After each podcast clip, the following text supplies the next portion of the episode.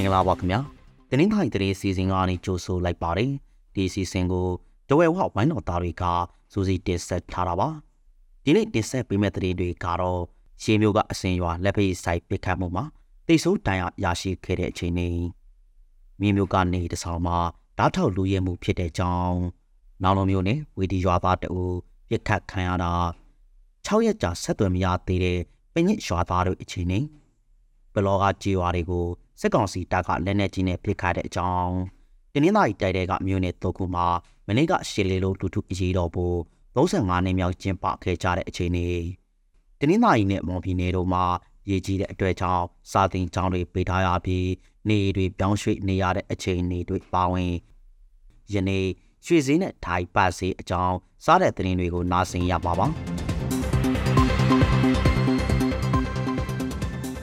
ရေမျိုးနဲ့အစင်ရွာကလက်ပိတ်ဆိုင်မှာပြစ်ခတ်မှုကြောင့်ယာယီမှုအပါဝင်နှစ်ဦးသေဆုံးပြီးသုံးတန်ရရရှိသွားပါတယ်။ယနေ့ဩဂဲလာ9ရက်မနေ့ပိုင်းက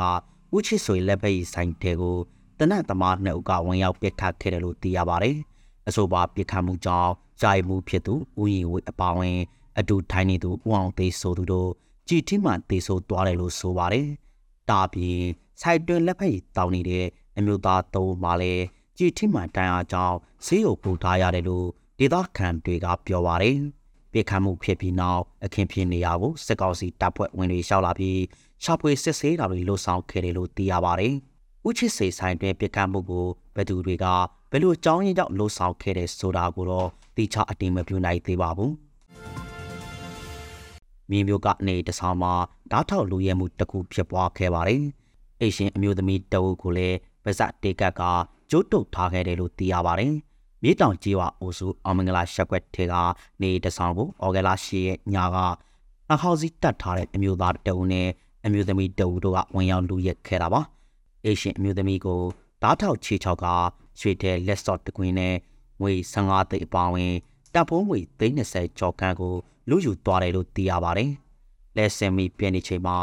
ဖျောင်းတဲ့ဝေယာကအေးပြန်လူရဲသူနှစ်ဦးကနောက်ကကတ်လိုက်လာတယ်လို့ဆိုပါတယ်။လူရဲပြီးနောက်မှာတော့အရှင်အမျိုးသမီးကိုလက်ပြန်ကျုပ်တို့ပါဇက်ကိုတိတ်ကတ်ထားခဲ့တယ်လို့သိရပါတယ်။အာနာသေးပြီးနောက်ပိုင်းအလုတ်ကန်ရှားပါတာကိုစင်းတို့အဆမတန်ကြီးမြင့်လာတာဒီကြောင့်ခိုးမှုလူရဲဘူတွေကိုမကြာခဏတွေးလာရတယ်လို့မြေဒေတာခံတွေကပြောပါတယ်။လောင်လုံးမျိုးနဲ့ဝေဒီရွာမှာမနေ့ညနေကအသက်55နှစ်အရွယ်ရှိတဲ့ ဦးဝင်းနိုင်ဆိုတဲ့သူတနန်းနဲ့ပြစ်ခတ်ခံရတယ်လို့သိရပါတယ်။ဦးဝင်းနိုင်ကိုဘသူတွေကဘယ်လိုအကြောင်းကြောင့်လာရောက်ပြစ်ခတ်သွားတယ်ဆိုတာကိုတော့အတိမပြုနိုင်သေးပါဘူး။တနတ်တိုင်အားကြောင့်ဦးဝင်းနိုင်ဟာရေးပေါ်ဆေးရုံတင်ထားရတယ်လို့သိရပါတယ်။လွန်ခဲ့တဲ့၄ရက်ကလည်းတူမတော်ဆတ်တဲ့မောင်ဝါဝါဆိုသူကိုလက်နက်ကိုက်တစုက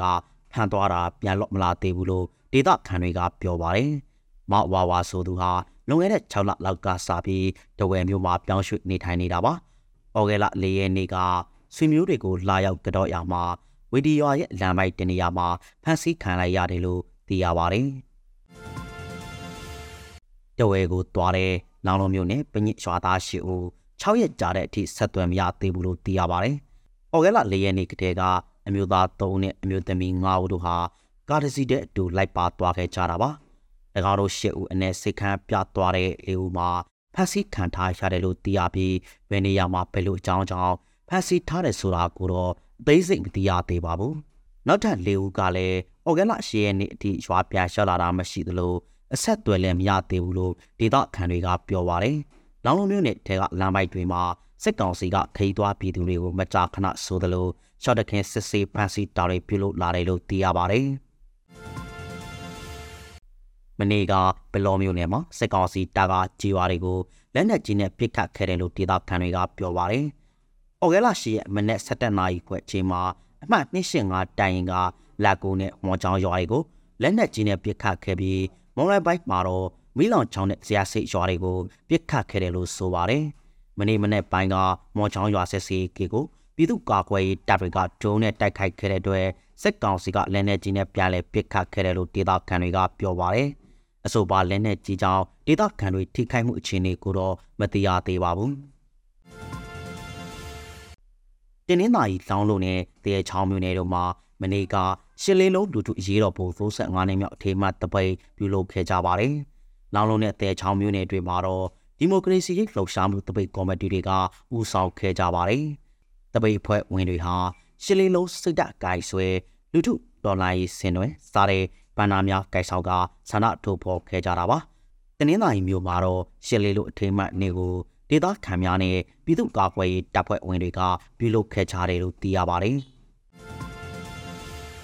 တင်းနှင်းသာရီနဲ့မော်မရေကြီးမှုကြောင့်နေအချို့ပြောင်းရွှေ့ခဲ့ရပြီးစာတင်ကျောင်းအချို့ပေးလိုက်ရပါတယ်။တင်းနှင်းသာရီမြေဟာအော်ဂဲလာ3ရက်နေ့ကစိုးရိမ်ရှိမှအထိရှောက်လာတဲ့အတွက်နေအချို့အရှိလွမ်းခဲ့တယ်လို့ဒေသခံတွေကပြောပါတယ်။ ရင်းအတွက်ကြောင့်ချောင်းငယ်ရက်ကွက်ကအိမ်ထောင်စု၃စုနဲ့ကျေးရွာအုပ်စုနှစ်စုကနေ40ကျော်ကိုဘေးလော့ရာပြောင်းရွှေ့ပေးခဲ့ရတယ်လို့သိရပါတယ်။တင်းနှင်းသာရီမြို့နယ်မှာရေဘေးသိပ်ပြည်သူ220ခန့်ရှိတယ်လို့တင်းနှင်းသာရီဘေးစီမံဌာနတာဝန်ရှိသူတအူးကပြောပါတယ်။ဒါပြင်မော်ဘီနဲ့ကြိုင်မရောမြို့မှာလည်းရေကြီးမှုကြောင့်စာသိမ်ကျောင်းအချို့ပေးလိုက်ရတယ်လို့သိရပါတယ်။ကြိုင်မရောမြို့ပေါ်ကတချောင်းနဲ့စာသိမ်ကျောင်းကိုကျောင်းရှာကြီးပေးလိုက်ရတာပါ။အဲ့ထရာမြေတက်လာလို့ ကြိုင်မရောမြို့ပေါ်ရက်ကွက်နှစ်ခုနဲ့ကျေးရွာဆွေရထက်မနေရေကြီးနေတယ်လို့လည်းသိရပါတယ်။မော်မှာပြီးခဲ့တဲ့ဇူလိုင်လအတွင်းကမိုးများတဲ့အတွက်နှစ်ကြိမ်ခန့်ရေကြီးတာတွေဖြစ်ပေါ်ခဲ့ပါတယ်။မွန်ရီကြီးမှုဖြစ်စဉ်မှာကလေးပါဝင်လေးဦးရှင်နဲ့တိတ်ဆိုးခဲ့ရပြီးမြေပြိုတောင်ပြိုဓာတွေကြောင့်ဒေသခံထောက်ချီပြောင်းရွှေ့ခဲ့ရတယ်လို့သိရပါတယ်။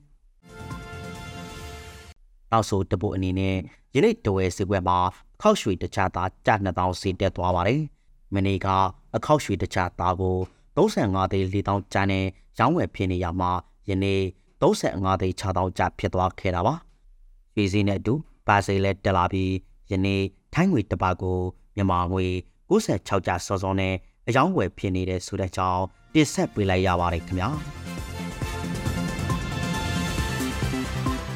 ခုလိုနားဆင်ပေးခဲ့တဲ့အတွက်ကျေးဇူးအထူးတင်ရှိပါတယ်မြန်မာနိုင်ငံသူနိုင်ငံသားများ ကပ်ပြီးပေါင်းခွန်နေအများဆုံးတော်မြတ်နိုင်ပါစေလို့တဝဲဝအဝိုင်းတော်သားများကစုမော်ကောင်းတောင်းအပ်ပါတယ်ခင်ဗျာ